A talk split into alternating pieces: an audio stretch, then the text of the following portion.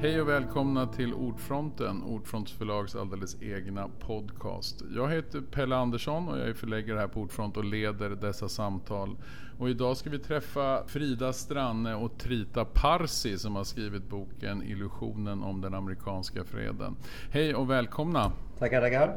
Tack så mycket! Och idag kör vi ju på länk. Trita, du är med oss hela vägen från Washington. Ja, det har ju blivit en del rabalder kring boken, men jag tänkte vi börjar med frågan varför ni tycker att det är så angeläget att skriva den här boken nu. Och att det var ju också, ja, det har väl varit både kanske lite bra och lite dåligt, men att boken började ju skrivas före kriget i Ukraina faktiskt. Och skulle, det är ju en bok om USA. Men varför kände ni att det var så viktigt att få ut den här boken just nu? Alltså egentligen då före kriget, när det var, var en annan situation. Framförallt tyckte vi ju att det var angeläget att eh, börja skriva den när USA eh, drog sig ur Afghanistan i augusti 2021.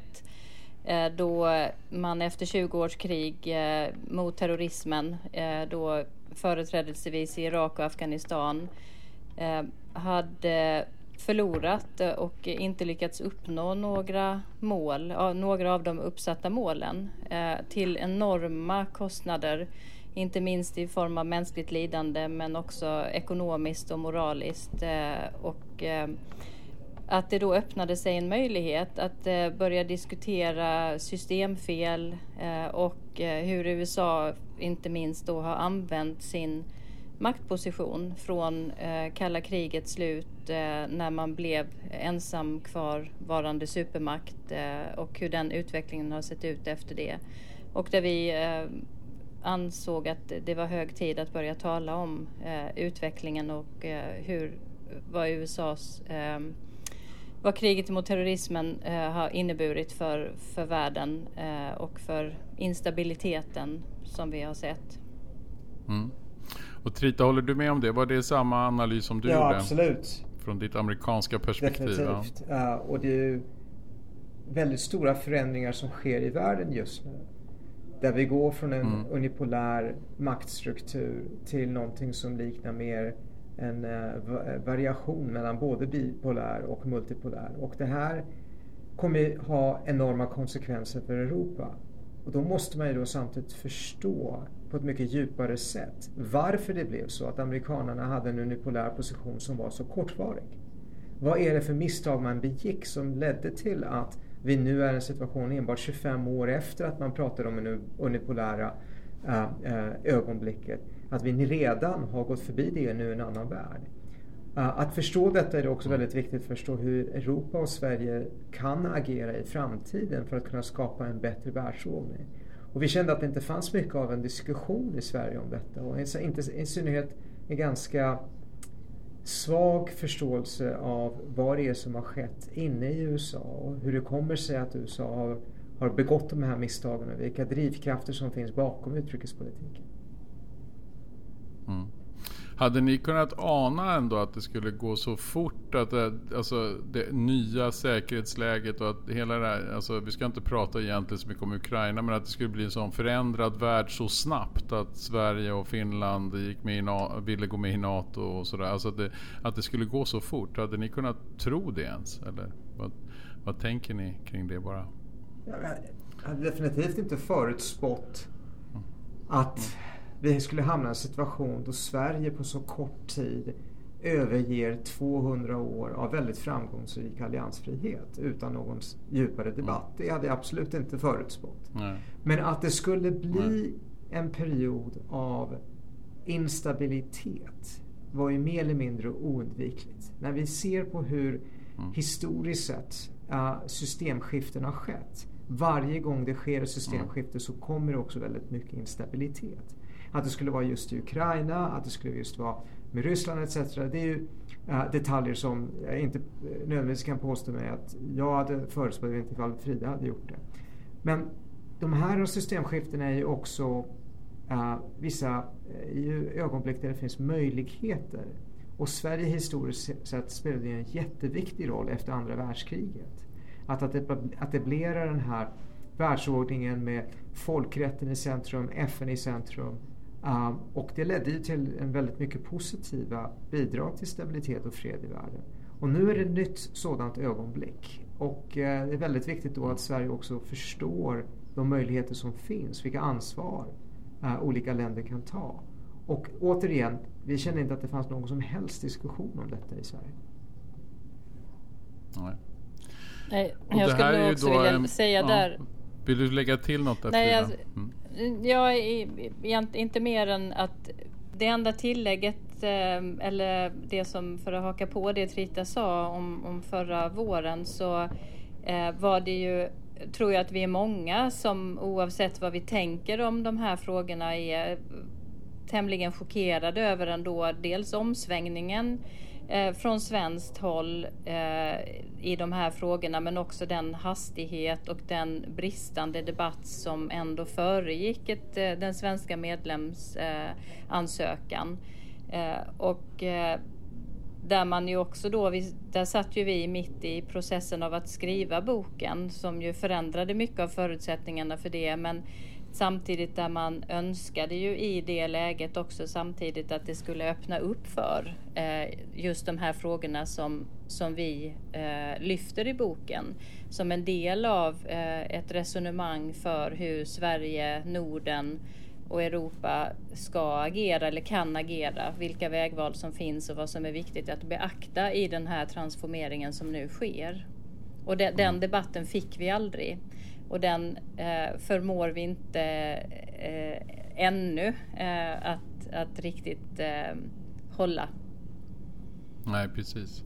Och det här, den här boken då som går igenom kan man säga också historiskt amerikansk utrikes och säkerhetspolitik. Hur, och, men har ju kanske mest fokus ändå på det som har hänt efter uh, liksom kriget mot terrorismen och så framåt. Ser ni något mönster? Håller liksom, har utrikespolitiken från USAs håll ändrats markant? Eller finns det mycket mönster och linjer som liksom känns igen? Har, eller har den blivit mycket mer aggressiv? Och är det därför också som det blir kanske svårare och svårare att samarbeta i världen eller genom FN eller så? Hur, hur ser ni på det? Hur har den förändrats de senaste 20 åren?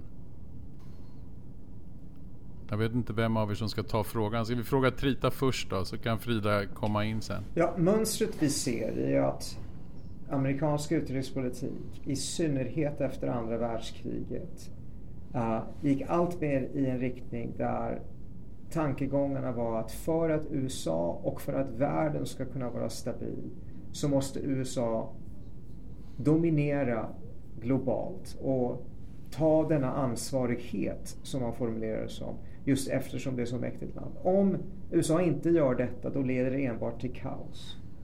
Och den tankegången stärktes då efter 1992 när Sovjetunionen föll och USA faktiskt blev ett mycket, mycket säkrare land, hade mycket, mycket mindre hot. Samtidigt ser vi då att under den här perioden när USA har mycket mindre hot att, göra med och då världen egentligen borde ha blivit mer stabil, att amerikanska interventioner ökade militärt sett. Mm. En fjärdedel av alla amerikanska interventioner som har skett i andra länder militärt uh, sedan 1776 har skett efter 1992. Och det visar då en tendens som är väldigt farlig. Och det är därför vi kallar den här illusionen av den amerikanska freden. Det kanske är kontroversiellt och provokativt att säga det i Europa med tanke på att Europa är en av de världsdelar som utan tvekan drog nytta eh, av den amerikanska säkerhetsparaplyet. Men så har det inte sett ut i resten av världen. Och det är en av anledningarna att man i globala syd just nu välkomnar en multipolär värld. Det är inte för att man är anti-amerikanska utan för att man har haft en helt annan erfarenhet av amerikansk unipolaritet. Och frågorna vi ställer är varför valde man just denna väg med tanke på att det fanns väldigt många tankegångar i USA uh, ah, som inte stödde denna typ av säkerhetstänkande och som ansåg att USA kan faktiskt engagera sig mer diplomatiskt men dra sig tillbaka militärt. Och det är ju en ganska intressant tankeställning. Hur skulle världen se ut idag ifall USA inte hade gått in i Irak, i Libyen? Ifall man i Afghanistan inte hade ockuperat det i 20 år utan enbart hade gjort en polisinsats och tagit ut al-Qaida och Osama bin Laden. Uh, och en ganska lätt slutsats skulle jag vilja säga är att utan tvekan så hade USA själva varit i en mycket starkare situation idag ifall man inte hade kastat bort så mycket resurser och skapat så mycket instabilitet i de här delarna av världen. Mm. Vad säger du Frida? Nej, jag, jag äh, håller ju med. Eh, och jag vill bara lägga till egentligen att just det här äh, perspektivet av att vi i Europa har, har levt väl med det, det, amerikanska säkerhetsparaplyt och den gemenskapen som vi har. Men just den här med, med omvärldens erfarenheter. Att vi, vi får det ibland att föreställa oss eh, mycket av de här amerikanska interventionerna som ett sätt att sprida demokrati och, och mänskliga rättigheter eller att eh, interventionerna skulle vara humanitära främst när vi i själva verket finns eh, eh, ingen empiri som stöder att man har lyckats med att eh, få till stånd demokratisk utveckling Eh, Eh, eller säkra mänskliga rättigheter utan snarare är eh, all empiri pekar på att man lämnar efter sig instabilitet och kaos och att det är enorma mänskliga förluster vi pratar om. Vi har ju sett nu här under de senaste månaderna nya rapporter om att kriget emot terrorismen har kostat över 4,5 miljon människor livet som en konsekvens av direkt våld eh, eller indirekta skador på infrastruktur och annat. Och det här har vi ju sett också tidigare genom historien. Eh, och, och, det är verkligen en, en viktig eh, parameter att ha med i diskussionerna just hur omvärldens upplevelser av de här interventionerna har, har eh, sett ut. Mm. Eh, och just att det också skapar den här instabiliteten har varit kontraproduktivt eh, mycket. Och sen tänker jag också på det här med mönster eh, som vi diskuterar i boken och som är viktigt. Det är ju att det, de som har haft väldigt mycket inflytande över vägvalen från Washingtons sida eh, i utrikespolitiken och strategierna i omvärlden är genomgående väldigt eh, starka som vi brukar kalla lite slarvigt för hökar, eh, militära hökar, militärindustrins enorma inflytande i den här politiken.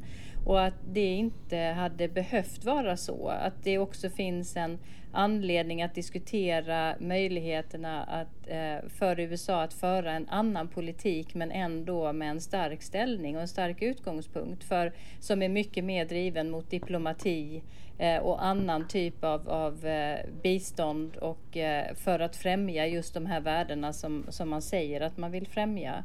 Mm. Så att den, de drivkrafterna som har, som har varit dominerande bör man också eh, liksom ha med i, i eh, analysen. Det, det, det, fanns andra sätt att komma till rätta med. Det är ingen som säger att inte USA ska eh, skulle agera och kraftfullt agera mot terrorismen och utvecklingen av terrorhot. Men det, det hade kunnat göras på helt andra sätt. Eh, och det har vi också många exempel på. Mm. Precis, och då hade kanske också världen varit lugnare generellt helt enkelt. Men ni, men ni säger också att det inte handlar inte bara om den här aggressiva amerikanska utrikespolitiken. Den, den, den vad ska man säga, gör ju inte bara världen mer osäker ut, alltså globalt utan den påverkar ju även USA inrikes. Och att eh, den här aggressiva militariseringen, det här sättet att behandla andra länder och så leder ju också till ett ett USA som får problem inrikesmässigt, inrikespolitiskt. Och hur, hur, hur kopplar ni ihop det här mellan den här militariseringen, den brutala nya amerikanska utrikespolitiken och, och det instabila landet USA? Och USA som håller på, är på randen till någon slags inbördeskrig kan man ju ibland tänka. Hur hänger det här ihop i er bok? Jag tycker framförallt att det är oerhört viktigt just att, att, eh, att lyfta den här frågan och att det är en av de centrala delarna också i boken.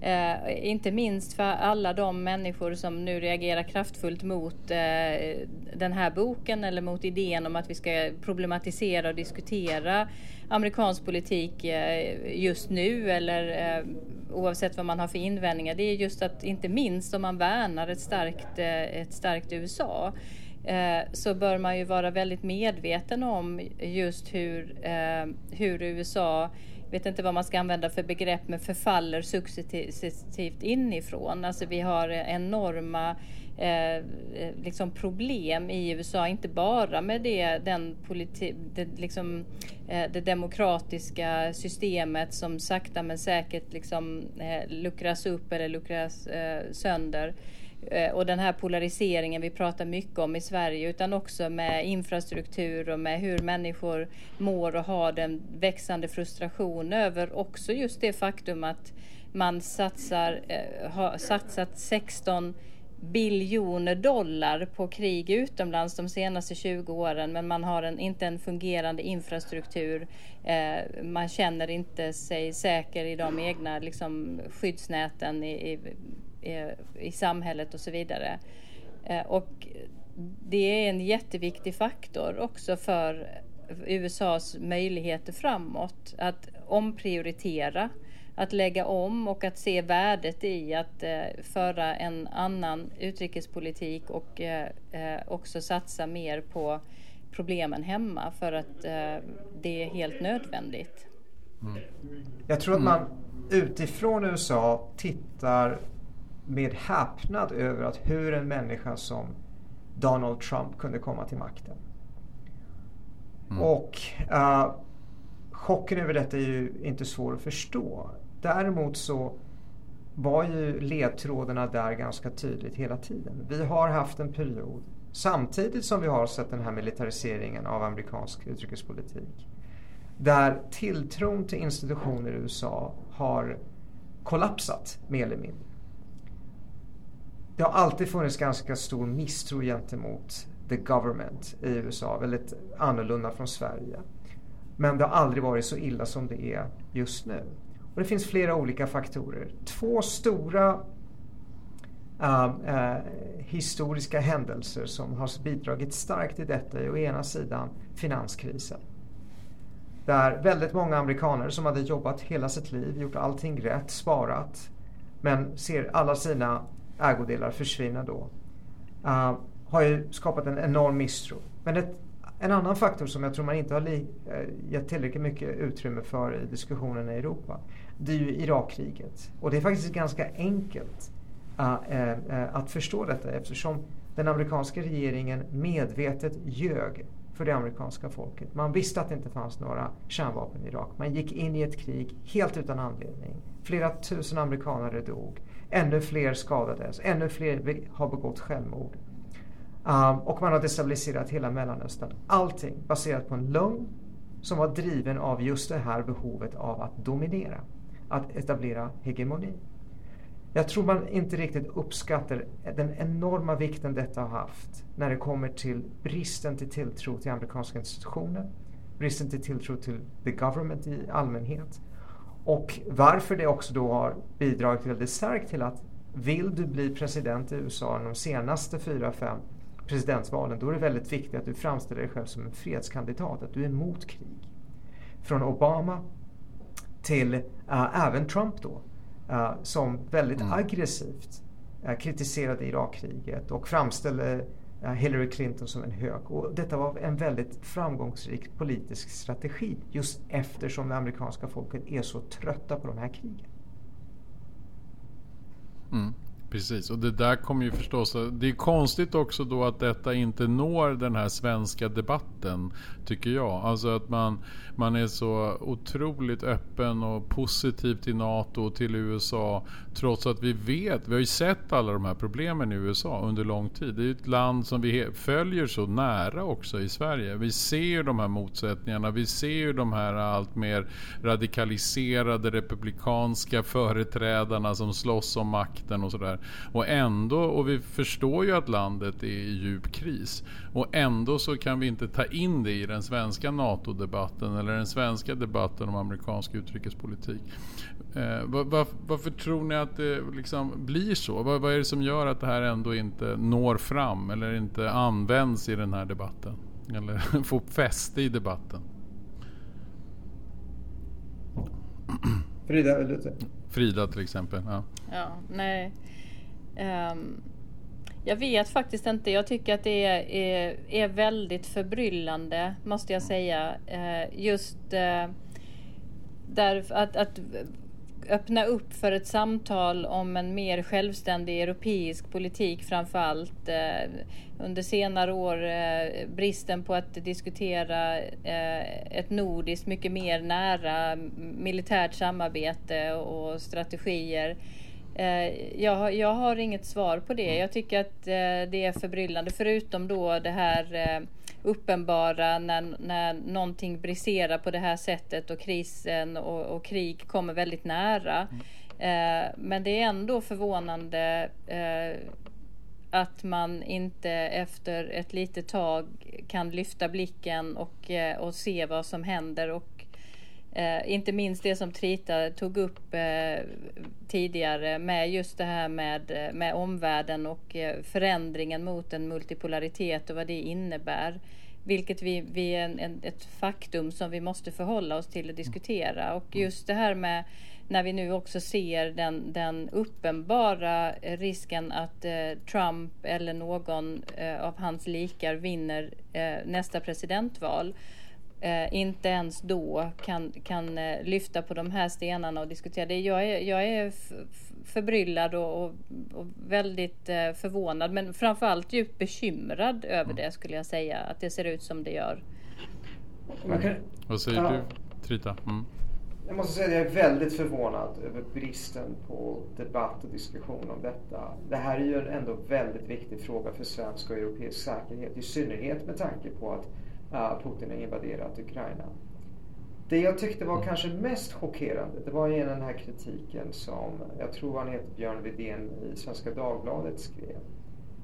Eh, en av de få punkter där han faktiskt eh, adresserade det vi skriver i boken istället för att enbart prata om Ukraina, vilket är mindre, jag skulle uppskatta 4-5 procent av vår bok. är då att han faktiskt aktivt försvarade att från svenskt och europeiskt håll så måste vi hjälpa USA att upprätthålla amerikansk unipolaritet.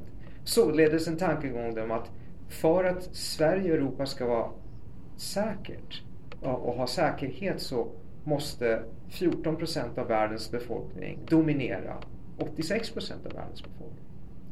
För mig var det chockerande att den typen av tankegång uh, nu existerar i Sverige. Det, det, är en sån enorm skillnad från det traditionella sättet från Sverige att eh, eh, förhålla sig till omvärlden och försöka skapa fred, rättvisa, eh, folkrätt, lag och ordning globalt sett inte bara i den här regionen. Det skiftet kan jag inte riktigt förstå hur snabbt detta kan ha skett. Mm. Och, och då inte bara existera utan faktiskt nu dominera åtminstone det, det publika, den debatten som förs eh, eh den offentliga debatten. Jag är mm. inte säker på att det är det som människor som vid sina köksbord eh, nödvändigtvis liksom representerar men att det är så låst i det offentliga samtalet eh, kring det här. Det, för det, det är mer än, än enskilda nu utan det har ju helt kommit att dominera. Eh, och framförallt då vad som görs av den eller hur, hur vi som vill föra fram en annan form av dialog, hur, hur, hur argumenten bemöts. Um. Mm. Men vad är det för, vad, vad, tror ni, kommer det här komma sen som en kalldusch för alla om det nu skulle vara så att amerikanska valet skulle ja, frambringa Trump igen? Vad, vad, kommer, vad kommer att hända då? Kommer, tror ni att helt enkelt USA kommer att dra sig ur det här, alltså inte ur NATO kanske omedelbart, men sitt stöd till, till Ukraina till exempel eller till andra länder som, som de nu stöttar? Skulle, tror ni att man blir mera, man hem, vänder hemåt igen och tar itu med amerikanska problem? Eller vad, vad, vad är risken här? För det? Den nuvarande nivån av stöd.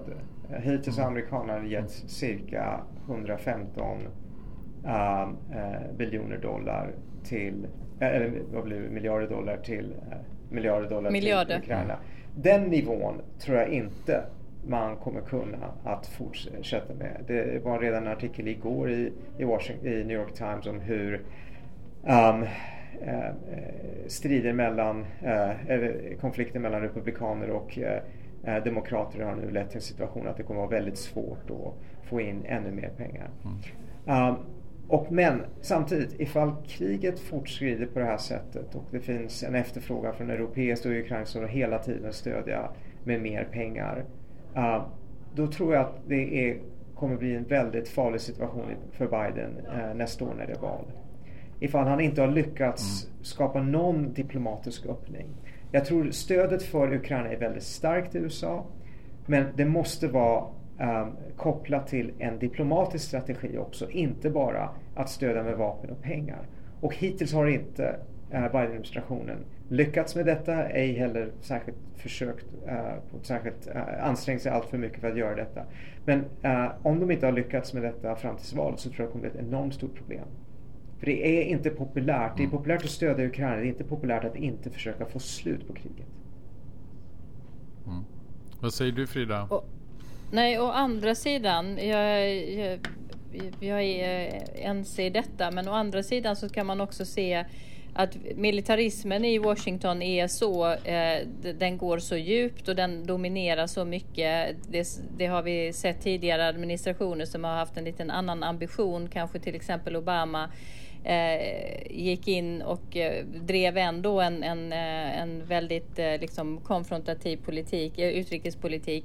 Och vi ser ju samtidigt också hur man svänger över mot Kina och vilka risker som finns med en upptrappning gentemot Kina. Mm. Eh, som vi också då, och det är, väl, det är väl en av de sakerna du har pekat på allra tydligast Trita med i annat du har skrivit om just den omsvängningen och var Sverige och Europa står i förhållande till det och vilka risker det är för ytterligare stora omfattande krig. Mm. Eh, det är också ytterligare en aspekt som är så viktig att, för oss här att, eh, att diskutera. Jag vet inte om du vill fylla i lite? Men... Det, jag tror det är en jätteviktig poäng för att mm. vi är nu i en situation då det finns impulser på den amerikanska sidan, dominerande impulser just nu där man anser att man måste förhindra eh, Kina från att bli en dominant makt eh, och således måste USA och Europa dominera Kina för att Kina inte ska dominera västvärlden. Det är alltså en eh, väldigt svartvit bild av världen. Antingen så dominerar väst Kina eller så dominerar Kina väst. Det finns ingen annan utväg helt enkelt i, i tankesättet. Om man agerar på den här impulsen och försöker att motarbeta de här uh, gravitational forces of geopolitics där det självklart så kommer Kina vara en stormakt i framtiden. Om man försöker vända detta då är risken för ett krig uh, absolut uh, överhängande och enormt. Det kommer bli det farligaste och blodigaste kriget i hela mänsklighetens historia.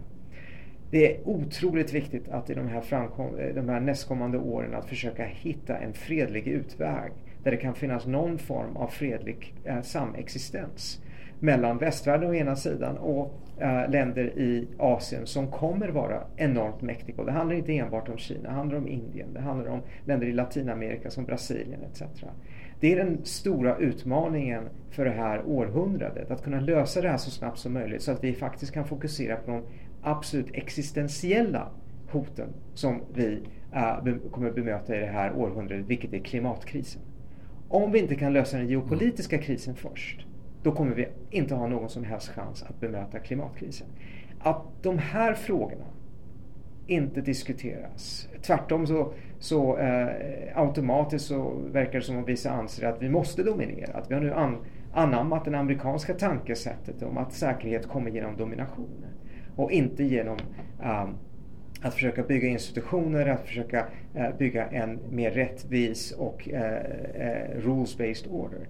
Det, det, är verkligen skrämmande att se detta för att det här är en enormt viktig tidpunkt. De misstagen vi begår nu och de beslut vi fattar nu kommer vara avgörande för säkerheten i framtiden. Mm.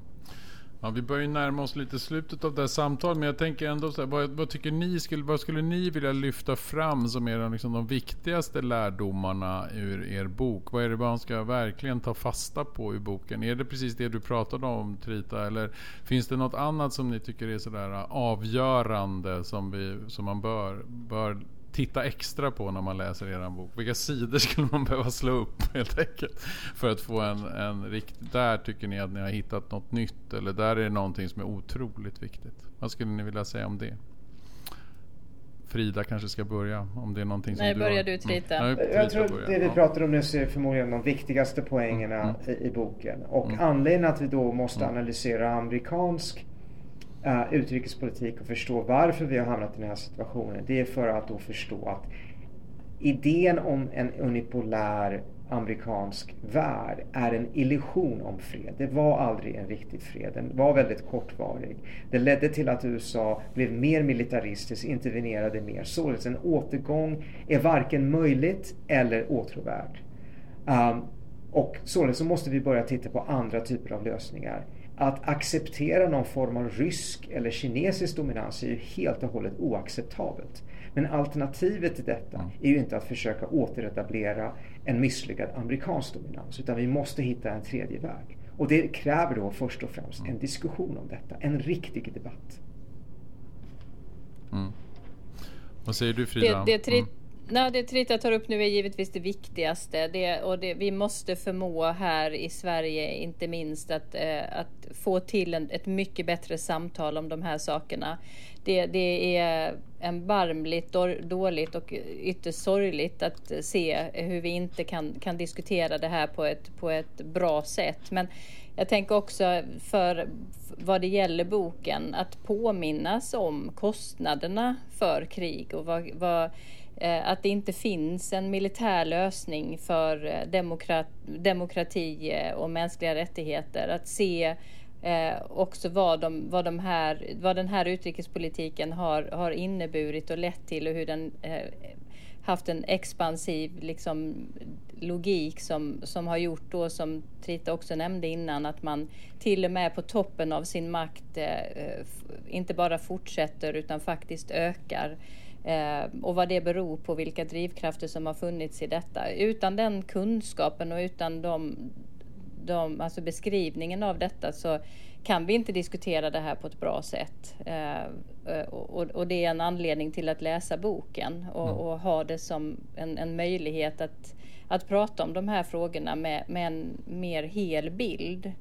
Eh, för riskerna från andra håll i världen nu, de, de har vi, de har vi väldigt nära. Men det som vi skriver om har, har inte riktigt diskuterats eller skrivits om i en svensk kontext på länge.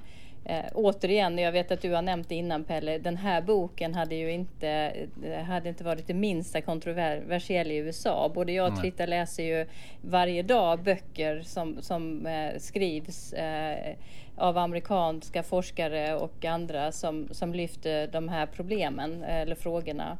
Eh, och, och det, det, det kan man ju tänka sig nu är, kan vara viktigt att eh, påminna sig om saker eh, och se mönster och fundera på vad de betyder. Mm. Ja, för det är också det är, det är ju inte bara det att det är ekonomiska enorma kostnader. Det är ju mänskligt lidande. Det är ju faktiskt människor som dör varje dag i de här olika krigen. Och det är som ni har sagt, det är flera miljoner människor som har dött under kriget mot terrorismen. Samtidigt som vi också ser hur diplomatin och FN försvagas och sådär. Så det är ju en, det är en väldigt, väldigt obehaglig situation. Och, jag, jag, skulle verkligen, ja, jag vill verkligen tacka er för att ni ville komma hit till Ordfronten och prata lite mer om, om denna, tycker jag då, fortfarande otroligt viktiga bok. Och jag hoppas att väldigt många fler läser den. Och vi har ju faktiskt sålt slut nu kan man ju säga. Så att vi, vi trycker ju till här i Sverige. Så det finns ju faktiskt människor som vill läsa och vill förstå och vill lära sig någonting om det här. Så det känns ju väldigt, väldigt roligt. Så tack för att ni kom hit och tack för att ni har skrivit boken också båda två. Det är fantastiskt. Tackar, tackar och tack till Ordfront. Tack. Tack. Mm, tack. Vi, Absolut, tack till dig Pelle. Ja. Tack så mycket. Det var allting för Ordfronten för det här avsnittet och vi kommer med fler avsnitt här innan sommaren. Det är ett litet sommarrace här nu. Så tack så hemskt mycket för att ni har lyssnat och så återkommer Ordfronten igen. Ha det så bra. Hej då.